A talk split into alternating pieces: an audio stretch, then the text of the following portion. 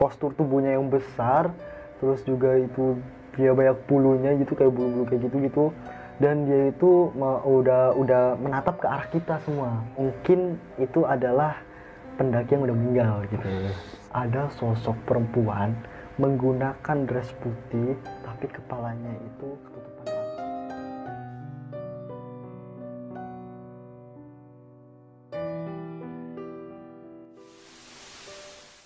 Assalamualaikum warahmatullahi wabarakatuh. Balik lagi di besok pagi kali ini bersama gue Bang Mange. Sebelumnya gue ingin berterima kasih banyak buat teman-teman semua yang udah mensupport channel besok pagi hingga sampai saat ini. Tanpa support dan dukungan dari kalian, kami bukan apa-apa. Masih dengan tema yang sama, nggak jauh-jauh dari dunia pendakian nih, terutama hal gaibnya. Dan di segmen kali ini gue udah kedatangan salah satu narasumber jauh dari kota Cirebon. Yuk langsung aja kita sapa yuk narasumber kita yang satu ini.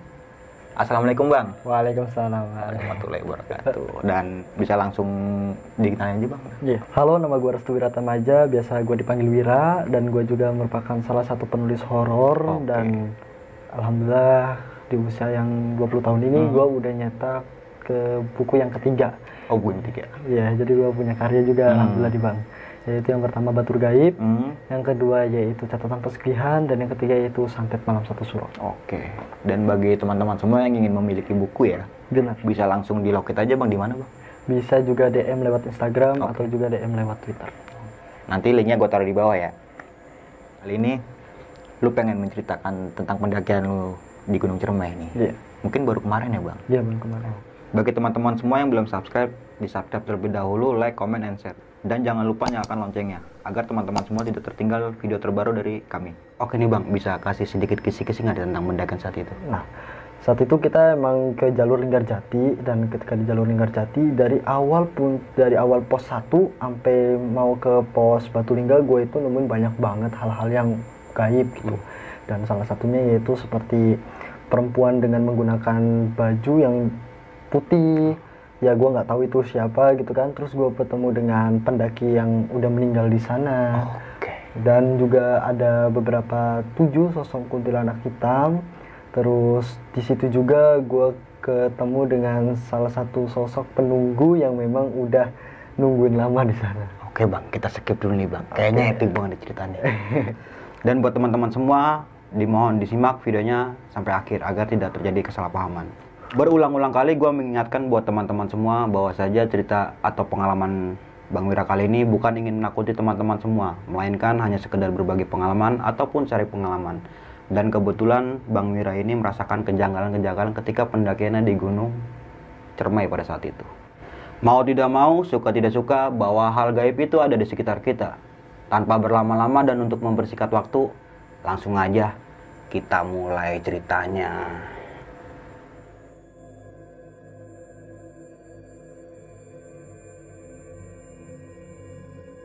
Halo nama gue Restu Wiratmaja dan kebetulan gue ini mau menceritakan pengalaman gue waktu kemarin muncak di Gunung Cermai. Ini perdana maksudnya Hmm. perdana itu gue baru muncak ke Gunung Cermai gitu. Saat itu kita berangkat awalnya 11 orang nih bang. 11 orang tapi ternyata dua orang dari kita itu mundur karena ada keperluan keluarga gitu. Jadi kita berangkat 9 orang doangan nah kita eh, ke titik temu itu di jalan evakuasi kota Cirebon dan kebetulan jam 7 kita udah ada di sana. Biasa kalau misalkan mau berangkat kita siap-siap dulu kan. Semuanya kita siapin dari kayak makanan minuman semuanya kita siapin buat keperluan nanti kita di atas. Nah kebetulan gue itu berangkat bareng Dani. Gue dibonceng sama Dani dan ke semuanya itu berangkat menggunakan motor karena jarak dari Cirebon ke Kuningan itu kan lumayan deket gitu kan.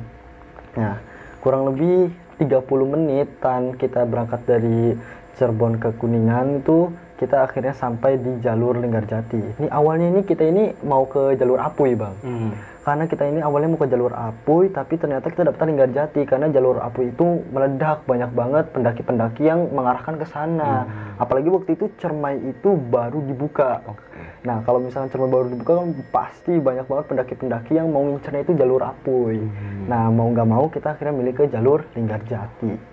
Nah, sebenarnya gue ini muncak ini bukan karena keinginan untuk mencari hal-hal yang mistis atau apa ya, karena gue pure muncak ini untuk ya muncak itu kan kepilihan gue itu ya gue mau ngerasain sensasi alam gimana sih atmosfer alam itu gimana sih dan gue nggak ada satupun keinginan gue mau ngeliat ini ngeliat ini itu nggak ada.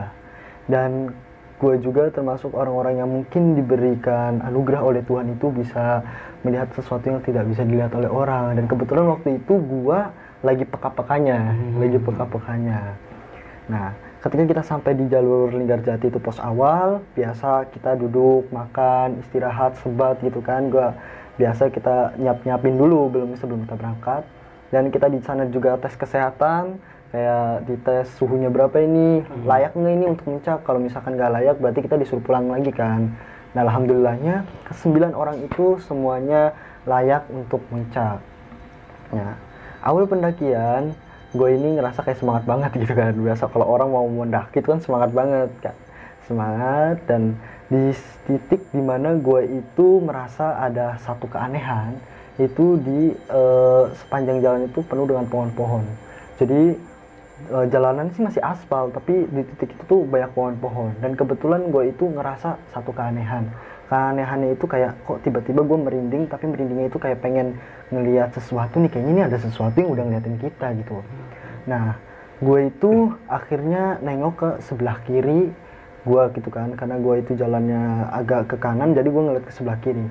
Dan bener banget ketika gue ngeliat ke sebelah kiri itu ada sosok dengan eh, postur tubuhnya yang besar terus juga itu dia banyak bulunya gitu kayak bulu-bulu kayak gitu gitu dan dia itu udah udah menatap ke arah kita semua.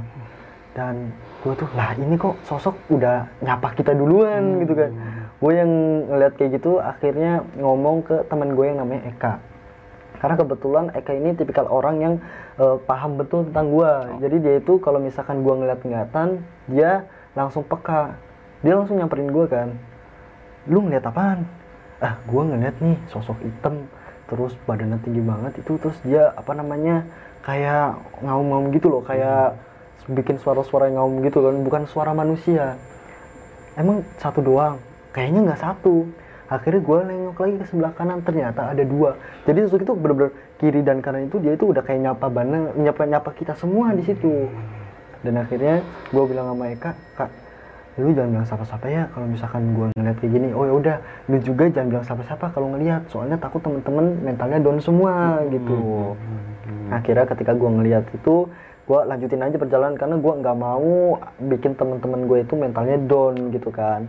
Akhirnya kita berangkat lah untuk menuju ke pos 2 dan pos 2 itu kan identiknya dengan pohon-pohon pinus atau apa.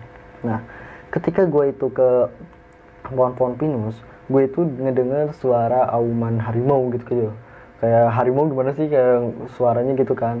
Dan gue kira itu tuh auman harimau itu ya ada beneran asli harimaunya. Akhirnya gue cari-cari ini suara dari mana ini harimau kok? Masa siang-siang kayak gini ada suara harimau kan? Dan akhirnya gue ngomong lagi nih kayak kak kak gue ngedenger lagi nih suara. Ah lu ngeliat lagi? Kagak ini mah gak lihat tapi gue ngedenger. Emang ngedenger apaan? Gue ngedenger suara harimau nih. Dan Eka yang kebetulan itu dia itu takut dia akhirnya bilang gini eh Fir, lu jangan kayak gitu deh. Udah lu lanjut aja perjalanan. Soalnya ini udah gak enak banget nih. Masa lu ngedengar suara harimaunya langsung? Kali aja ini penunggu langsung yang dari Cermai gitu kan. Akhirnya gue bilang ke Eka ya ya juga sih gue lanjutin aja kan perjalanannya. Dan kita itu lanjut ke perjalanan menuju ke pos 2 itu. Waktu itu masih ke arah pos 2 dan ketika udah di pos 2 kita istirahat tuh. Kita biasa nyebat kita ngopi juga kita cerita-cerita. Dan kesalahan kita itu ketika lagi istirahat beberapa teman kita itu ada yang toksik bang. Jadi omongannya ada yang kasar Iya, gitu. iya, iya. lo tahu sendiri kan kalau orang Cirebon itu identik dengan kata-kata yang ah gimana ya gitu Oke. kan. Gue nggak bisa sebutin lah. Dan ketika ada perkataan-perkataan seperti itu gue gue ngerasa tuh ini nggak baik nih diomongin di seperti ini tapi emang udah jadi ranahnya orang Cirebon itu. Kalau misalkan ketemu orang Cirebon lagi pasti ada kata-kata itu. Jadi ya udah gimana lagi kan? Akhirnya kita pun setelah istirahat kita mau melanjutkan perjalanan.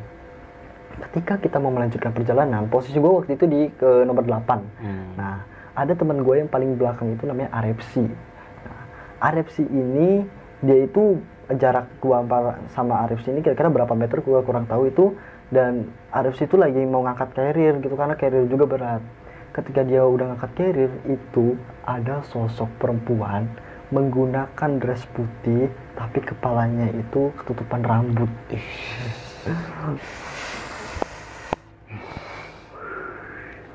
Dan gue itu baru sadar ketika RFC itu udah mau jalan. Itu si sosok itu ngikutin secara perlahan-perlahan di belakangnya RFC nah gue nggak mungkin nih gue cerita langsung sama RFC karena kebetulan RFC itu kan tipikal orang yang kepo tapi takut. Ada yang orang yang kepo tapi dia berani tapi ini keponya kepo takut. Gue akhirnya nggak berani tuh ngomong ke RFC langsung. Akhirnya gue ngomong lah ke Eka temen gue yang tahu gitu. Kak gue ngeliat lagi nih ngeliat apaan? Itu perempuan dengan daster ya kayak dress warna putih tapi mukanya itu ketutupan rambut kebetulan Eka waktu itu kayak kayak nggak percaya gitu kan. Emang iya lu beneran ngeliat? Iya gue beneran. Emang lu nggak ngeliat? Gue tanya balik kan. Kagak gue kagak ngeliat apa-apa. Ah masa iya sih? Gue dalam hati tuh masa iya sih Eka nggak ngeliat gitu kan? Oh kemungkinan cuman gue doang yang ngeliatan. Nah, si sosok itu tuh masih ngikutin kita bang. Dia tuh ngikutin terus jalan terus sampai mau ke pos 3. Si sosok perempuan itu ngilang. Jadi positif thinking gue sih ini sih si sosok ini kayak ngejagain nah Hmm. ngejagain kita biar kita aman sampai pos 3 itu positif thinking gue ya. Nah, akhirnya di pos 3 itu kita kebetulan emang di situ disuruh untuk ngambil air. Nah, kita disuruh ngambil air karena beberapa dari beberapa botol dari kita yang bawa itu udah ada yang habis gitu. Akhirnya kita ngambil air tuh.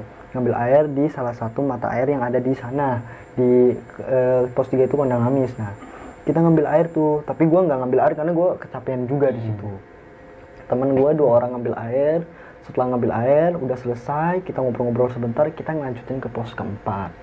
Nah di pos keempat ini gue ngerasa ada sesuatu sosok yang mungkin gue nggak tahu nih eh, beneran atau enggaknya. Karena gue ngeliat itu sosok itu tuh kayak familiar auranya. Aura tuh kayak gue itu udah familiar tapi mukanya tuh belum kelihatan gitu jadi gue di situ kayak ngerasa ada sosok-sosok yang udah mantauin kita gitu dan akhirnya ketika kita berada di pos 4 gue itu selalu mantau belakang juga jadi kebetulan gue itu selain eh, jalan lurus ngikutin arah kita mau muncak gue tuh selalu ngikutin apa ngeliat ke belakang bang Hmm. takut ada yang ngikut lagi Oke. Nah, alhamdulillah waktu itu nggak ada yang ikut kan. Tapi barulah ketika kita sampai ke pos 5, kita itu istirahat.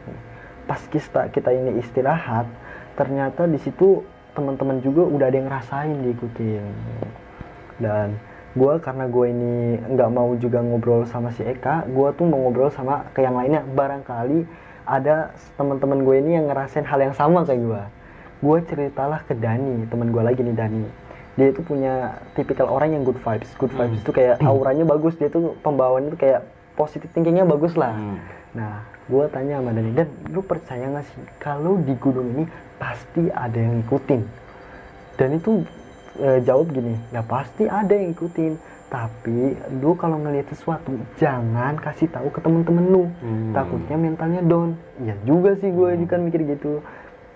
Akhirnya ketika udah di pos 5 kita ngobrol-ngobrol biasa dan kita ngelanjutin perjalanan. Waktu itu udah pukul hampir pukul berapa ya? Kurang lebih setengah empatan kita mau berangkat ke pos 6 nah di pos 6 itu gue ngelanjutin perjalanan. Nah di- karena kebetulan waktu itu tuh mau hujan bang. Jadi Hmm. udah agak mendung. Jadi kita agak buru-buru juga. Nah kebetulan ketika gue itu kayak ada belokan gitu gue itu ngeliat satu sosok yang mungkin itu adalah pendaki yang udah meninggal gitu. Jadi kebetulan sekali gue ketika gue nengok ke sebelah kiri kiri gue ini dan dia juga nengok ke sebelah kanan. Jadi gitu face to face. Nah, bentuknya itu kayak eh, rambut yang kayak ngereket gitu loh. Rambutnya itu Hmm. ngereket kayak udah orang yang nggak disampoin bertahun-tahun terus mukanya itu hitam semua ya kayak hancur gitulah mukanya jelek gitulah. Dan dia itu kita nggak interaksi tapi kita nggak interaksi kita nggak ngobrol kita nggak nggak komunikasi dia cuman ngeliatin gue doang. Dan gue waktu itu sempet kaget juga cuman kayak gitu tapi gue nggak ngomong. Hmm. nggak ngomong teman-teman gue ngeliat sesuatu. Nggak karena gue takut teman-teman gue ini mentalnya down. Hmm. akhirnya ketika itu hujan turun tuh bang. Hujan turun kita berteduh di suatu tempat yang mana tempatnya itu jadi pembatas antara kita itu mau ke pos berikutnya jadi perbatasan pos gitu. Dan kita berteduh di sana kita istirahat juga. Kita juga udah ngerasain capek banget selama perjalanan kan kita ngerasain capek. Nah ketika itu gua mantau teman-teman yang belakang lagi nih teman-teman. Udah pada ini semua belum ya? Takutnya barangkali ada yang ngikutin gitu kan. Bersamaan dengan itu kabut turun. Kabut turun secara perlahan perlahan-lahan. Dan ketika hujan udah reda kita langsung beresin uh, carrier kita untuk berangkat lagi. Dan ketika kita mau berangkat lagi itu ada tujuh sosok turun dari pohon. Jadi uh, kebetulan dengan turunnya kabut itu kayak agak gelap-gelap gitu bayangan-bayangan doang gitu. Gua nggak nggak mastiin itu uh, apa gitu tapi yang gue pastiin itu mungkin kayak kuntilanak hitam. Jadi kayak gue pernah ketemu dia itu di salah satu tempat di luar Jawa hmm. itu eh, apa namanya dia itu kayak diem doang gitu. Dia mantau kita dari arah dari kejauhan. Dia itu ngeliatin kita dan gue takut banget ini eh, teman-teman gue ini ada yang ketempelan. Akhirnya hmm. gue lebih memilih di nomor 8 lagi. Gue yang sering di depan tuh memilih ke nomor 8 lagi posisi nomor 8 dan gue bilang eh, kaki gue kram banget nih. Gue kayaknya ada yang ngikutin nih kan. Dan teman-teman gue pun ngerasain hal yang sama gitu. Hmm. kalau itu tuh sosok itu udah ada. Nah kita lanjut ke pos 7 di selamat dalam perjalanan pos 7 gue itu ngerasa bahwasannya di pos 7 ini nggak baik untuk kita ngecamp hmm. dan kebetulan karena kita itu lagi cari camp bang posisi tubuh kita itu semuanya udah ambruk udah kayak capek banget lah hmm. orang tuh gimana dan kebetulan karena gue takut juga teman-teman gue itu kayak wah kayaknya jangan sampai nih semuanya ambruk di situ karena beberapa teman kita juga udah ada yang mau pingsan hmm. mukanya udah pucat banget gitu gue takut lah ini jangan sampai pingsan. Lu ayolah kuat sampai puncak sampai puncak sampai puncak. Biasa kan orang kalau misalkan udah udah lemes disemangatinnya lu datang-datang jauh ke sini mau ngapain? Mau ke puncak? Ayo kita ke puncak. Hmm. ya gitu kan. Nah kita datang tuh ke apa jalan lagi ke pos 7 nah kebetulan waktu itu kita mau ngebuat tenda dan waktu itu udah memakan mau maghrib. Hmm. mau waktu mau maghrib. Dan kita nemuin satu lokal satu tempat di mana satu tempatnya itu ya enak lah buat hmm. kita ngecamp tapi gue punya pilihan gini bang kalau misalkan kita ngecamp ngepas maghrib lebih baik jangan hmm. itu itu firasat gue feeling gue Kenapa? Karena kalau misalkan kita ngecamp maghrib, otomatis kita ini udah ditungguin sama yang ada di situ. Hmm, benar. Nah, kita itu nggak mau tuh ngecamp ngepas banget maghrib kan. Tapi kebetulan teman-teman gue itu udah kecapean bang, teman-teman gue kecapean. Akhirnya ketika kita nemuin satu lokal tempat untuk bisa ngecamp, dan akhirnya kita mau buat camp tuh di situ, mau mau ngebuka tenda, mau ngebuka tenda. Dan ketika kita mau ngebuka tenda itu enam orang yang lagi beresin tenda, tiga orangnya lagi istirahat karena uh, capek semua dan hmm. salah satunya gua gua uh, uh, apa kayak kayak di belakang gua itu ada pohon besar banget gua istirahat di situ nyenderin tubuh gua di situ dan sambil ngelurusin tubuh apa sama kaki gua kan ngelurusin kaki gua nah enam orang ini itu lagi beresin tenda lagi beresin tenda tinggal mereka itu tinggal merapikan menggeserkan tenda aja. Hmm. itu kita udah bisa tempatin tenda itu. Tapi terdengar suara kuntilanak. Itu kita tinggal ngegeser tenda doang nih ngegeser tenda biar rapi. Itu kuntilanak ketawa di situ. Kan sombong banget tuh gue. Hmm. kuntilanak kuntilanak itu bener-bener ketawa dan mereka beberapa dari mereka itu yang enam teman-teman gue itu ngelihat sosok itu udah ada di belakang gue jadi dia itu uh, sosok kuntilanak itu udah ada di belakang gue kan Nah, ketika mereka itu tahu ada sosok kuntilanak, akhirnya mereka beres-beres tuh. Ayo, ayo cepat beresin. Jangan ngecamp di sini, jangan camp di sini. Nah, kenapa emang? Coba lihat ke sana. Lihat, lihat ke arah belakangnya Wira. Coba lihat. Nah, teman-teman gue itu nyuruh untuk uh, apa? Nge ngelihat ke belakang gue kan. Ketika gue lihat, iya ternyata udah ada kuntilanak lagi berdiri di situ dan akhirnya semua tenda pun diberesin lagi dimasukin lagi ke carrier kan dimasukin lagi kan. Nah dua teman gue ini Dani sama Koko ya Koko itu itu dia pun bilang eh emang ada apaan? Sih kata mereka itu kan hmm. kaget kan karena tenda udah dirapihin kok diberesin lagi emang hmm. ada apaan? Gitu. Terus kata si teman gue yang satunya yang di sananya mereka itu bilang udah kali kita semua apa berangkat lagi aja jangan di sini ngecampnya karena ada satu kejadian yang mungkin menurut mereka itu nggak bagus lah untuk di sini. Nah mereka itu kan ngeliat ke arah gue otomatis gue kayak ngerespon lah ini kok mereka ngeliatin ke gue semua? Ada apa? Gue bertanya-tanya kan. Ketika gue ngeliat ke belakang iya beneran kuntilanak udah ada di belakang. Jadi emang nggak belakang banget tapi agak beberapa meter dari gua itu dia udah berdiri banget gitu. Nah ketika mereka takut gua ini kayak apa namanya kayak ini ketawa gitu. Gua ketawanya bukan ketawa kayak ngeledekin mereka yang dilihatin kuntilanak. Bukan ya bang? Ini bukan ketawa ngeremehin. Tapi ketawa di sini menurut gue itu punya nilai tertentu artinya perspektif gua pandangan gua kita mau bikin tenda di sini aja udah diketawain sama kuntilanak Hmm. apalagi nginep di sini Hmm. otomatis bakal diganggu bener gak bang? Bener. nah itu gue yang mikirnya makanya gue tahu oh jadi gini nih kuntilanak nih sombong banget kan kata gue kan Hmm. nah akhirnya karena gue tahu gue nyuruh eh cepetan kita berangkat lagi aja ada apa sih nanti gue ceritain kalau misalkan udah balik udah pokoknya kita ke atas aja lanjutin perjalanan nah kebetulan waktu itu ada salah satu tim dari rombongan Indramayu. Dia itu udah ada di atas. Dia kayak ngecek ngecekin peser eh, teman-temannya gitu masih ada nggak? gitu kan. Dan teman gue tuh bilang ya udah bareng aja sama kita bang. Ya oke bareng. Ya Hmm. kita ngedaluin tuh tim Indramayu. Dan kita itu mau itu mau ke pos Bapak Tere kalau nggak salah ya. Kita mau ke pos Bapak Tere dan kita itu udah masuk waktu maghrib Bang. bayangin kita udah masuk waktu maghrib dan kita ngelewatin Bapak Tere itu tempat di mana eh, jalurnya itu agak lumayan kalau di Hmm. Garjati itu. Kayak di sebelah kiri kanan itu kayak ada jurangnya juga kan gua takut banget barangkali kita salah salah apa namanya salah langkah jatuh gitu kan Hmm. otomatis kalau misalkan itu nggak ke mana gitu kan Hmm. arahnya akhirnya teman-teman gue itu pada membuka HP karena kebetulan hanya beberapa yang ngebawa headlamp gitu Mhm. kayak senter di kepala gitu ketika mereka semua udah pada keluarin alat-alat nah gue kebetulan bawa HP dan gue pakainya flash doang selama gue ini pakai flash itu gue selalu ngarahin senter itu ke bawah. Kenapa gue nggak mau ngarahin ke samping? Karena di samping gue udah banyak sosok-sosok yang udah ngeliatin kita semua. Jadi di situ ada beberapa kuntilanak yang lagi udah udah udah ngeliatin kita semua. Ya mungkin mereka nggak ngeliat tapi gua gua ngeliat secara jelas itu sosok itu udah ngeliatin kita kita. Dan ketika gua lagi nyorotin lampu ke bawah gua terbenak mau ngomong kayaknya kita jangan sampai eh, nyorotin lampu ke atas. Hmm. takutnya barangkali mereka juga ada di atas ada di pepohonan gitu kan. Tapi ya namanya orang lagi cari cari tanda untuk menuju ke puncak ya pasti tanda-tandanya itu kan berada di pepohonan. Mm-mm, bener benar. kan? Nah tapi itu hanya berlaku untuk yang paling depan. Artinya paling depan itu kan yang menunjukkan untuk tandanya oh ke sini berarti arahnya ke sini. Hmm. yang paling belakangnya itu jangan sampai nyorotin ke atas atas gitu. Artinya ya udah nyorotinnya kalau misalkan nggak ke depan ya ke bawah aja gitu jangan sampai ke atas atas. Nah kebetulan temen gue itu Arepsi itu dia itu nyorotin lampu ke atas. Senternya itu nyorotin ke atas itu. Nah di situ kan ada pepohonan tuh. Ada pepohonan dua pohon itu saling berdekatan.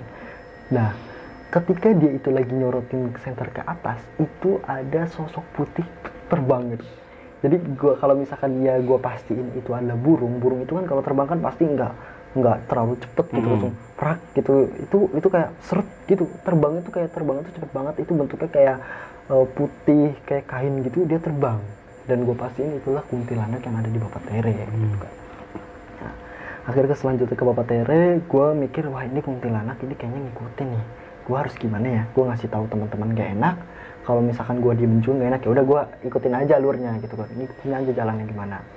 Nah ketika itu gue mau ke pos selanjutnya yaitu pos Batu Lingga nah di Batu Lingga ini gue nggak tahu banyak ya. Sebelumnya gue belum tahu banyak tentang Batu Lingga itu seperti apa. Yang gue tahu sih Batu Lingga itu ya ada batu. Dan mungkin di situ ada salah satu peninggalan-peninggalan sejarahnya gitu kan ketika kita ngelewatin batu lingga gue itu nggak sadar kalau di sebelah kanan gue itu ada batunya. Karena gue itu fokus untuk nyari tempat yang di mana enak buat pijakan kaki gitu kan.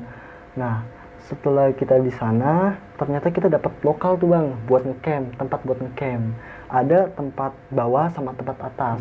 Kebetulan di situ tim Indramayu juga udah eh, udah siap-siap mau ngecamp di tempat yang paling bawah. Karena kebetulan kita ini eh, cuman dua tenda dan mereka ini kurang lebih lima tenda akhirnya nggak muat kan dan kita ngecampnya di yang paling atas Hmm. atasnya dikit gitu Nah, ketika kita ngecamp di paling atasnya dikit, kita biasa, kita beres-beres lagi dan orang Indramayu pun beres-beres, makan-makan, biasa kayak ngobrol-ngobrol biasa gitu kan.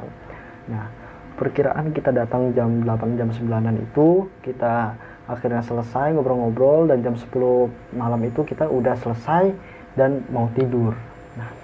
Ini kejadian keganggunya ini ternyata bukan hanya untuk kita tim kita tapi ternyata di tim Indramayu juga mereka juga diganggu.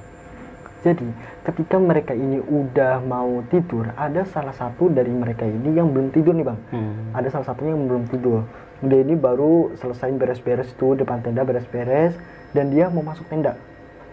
Ketika dia mau masuk tenda dia buka tendanya seret dia masuk mau nutup nih udah ketutup seret di luaran itu ada suara perempuan manggil-manggil namanya. Jadi dia itu manggil-manggil namanya tapi namanya ini masih umum kan? Artinya gini kalau misalkan namanya itu nama aslinya dia dia keluar gitu kan. Nah ketika dia itu baru masuk itu ada suara perempuan manggil-manggil. Mas mas itu dipanggil-panggil. Kebetulan dia itu teringat kayak gini kalau misalkan eh, temen cewek gue yang manggil itu bukan mas tapi Hmm. nama asli gue nah kenapa kok ini manggilnya mas? Berarti kan masih umum. Masnya Hmm. mas siapa ini? Kan? Karena dia penasaran dia pun buka tenda lagi dan dia keluar. Ketika dia keluar ternyata nggak ada satupun orang di luar tenda bang.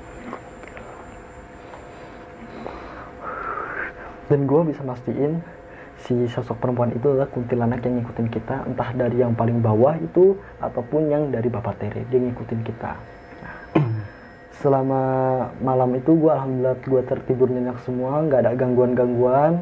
Baru kita itu bisa start lagi tim kita itu bisa ta- start lagi jam setengah tujuh. Kita nggak ngambil summit sih karena Hmm. kita kecapean juga. Nah tapi tim Indramayu itu ada yang ngambil summit juga. Dia ngambil summit dia naik duluan. Nah, ketika kita ini mau berangkat setengah tujuan, kita siap-siap dengan membawa oh, aqua dan juga makanan. Tapi gua bawa waktu itu bawa dua aqua doang, dua aqua besar dan makanan dan permen gitu. Nah, kita lanjut tuh ke pos berikutnya. Nah, kebetulan di situ ada ada sa- satu pos yang menurut gue itu enak banget untuk dipandang, yaitu pos Sangga Buana itu. Itu penuh dengan bunga edelweiss. Jadi gue itu kalau kalian iya mau ke ngeliat-ngeliat bunga edelweiss di Linggarjati itu wah melimpah banyak banget. Dan itu bikin eh, spot untuk foto-fotonya enak banget di Hmm. situ. Nah, gue selama untuk ke puncak gue nggak diganggu apa-apa alhamdulillah. Karena waktu itu udah pagi dan gue nggak ngeliat satu hal-hal yang menjanggal. Tapi di situ gue ngeliat teman-teman gue udah agak berubah sifatnya. Jadi kayak karakter dia itu satu persatu kelihatan aslinya. Jadi makanya kalau ada istilah kalau lu mau tahu temen lu karakter gimana bawa aja ke gunung Hmm. gitu. Bawa aja yang suruh ngedaki nanti karakter temen lu udah ketahuan. Ya benar emang di situ ketahuan karakternya. Jadi ada beberapa teman gue itu yang ada yang ngumpetin makanan Oke. ada yang ngabisin minuman. Dan dia itu tanpa sepengetahuan teman-teman yang lain. Hmm. Nah, tanpa sepengetahuan teman-teman dan itu kan menurut gue tuh wah songong banget nih orang kan. Udah udah katanya ini tim tapi kenapa dia ini personal gitu Hmm. kan? Makan atau minumnya gitu. Ya udah gue nggak ngeladenin sih seperti itu nah akhirnya kita itu nyampe di puncak itu perkiraan jam 10 ketika kita berada di puncak ini ada satu konflik yang mana konfliknya ini mungkin nggak gue sukai juga. Jadi salah satu teman gue itu dia ini marah-marah karena minumannya habis gitu kan dan wajar aja karena kita cuma bawa dua botol dan dia itu kayak marah-marah kenapa bisa habis? gitu kan. Hmm. ya orang mah nggak ngerti banget gitu kan. Ya namanya orang kalau misalkan kita udah habis ya udah gimana lagi? Masa kita minta-minta ke teman-teman yang ada di sono gitu Hmm. kan. Nah akhirnya setelah itu yang di mana kita akhirnya mau foto-foto bareng tapi ada satu konflik kayak gitu jadi kita agak nggak mood gitu Hmm. kan. Dan baru situlah kita itu kayak pecah gitu. Jadi eh, tim gue itu agak pecah di kita nah pukul jam 10 lebihan itu kita turun tuh turun karena posisinya udah panas banget dan dua orang pertamanya itu teman gue itu udah turun duluan dan gue itu turun setelah dua orang itu Hmm. Nah, depan gue itu namanya RFC itu dia turun duluan di depan gua. Nah, ketika kita turun sama RFC, itu RFC itu kayak ngelihat satu pendaki apa dua orang pendaki yang mirip kayak seperti dua orang yang temen gue itu. Hmm. Padahal jarak antara dua orang itu sama kita yaitu Arabsi dan gua itu agak jauh ke kira-kira satu pos lebih lah. Karena dia itu jalannya cepet banget tuh kayak lari gitu kan. Ya Arabsi tuh kayak manggil-manggil hoi hoi hoi gitu kayak manggil-manggil woi ini gua ini tungguin gua. Tapi si pendaki itu nggak nyautin. Padahal dari bentuk jaket atau misalkan celana itu semuanya mirip banget mirip kayak temen gue yang dua duluan itu ke bawah tapi ternyata ketika dikejar sama Arepsi itu ngarahin ke jalur yang salah, arah jalan yang salah. Dan Arepsi tuh bingung, lah kok dia lewat sini? Perasaan uh, untuk turun tuh lewat sini gitu. Hmm. Misalkan kok kenapa dia lewat kiri? Harusnya kan kanan Hmm. gitu. Dan Arepsi tuh kayak mikir, oh ternyata itu bukan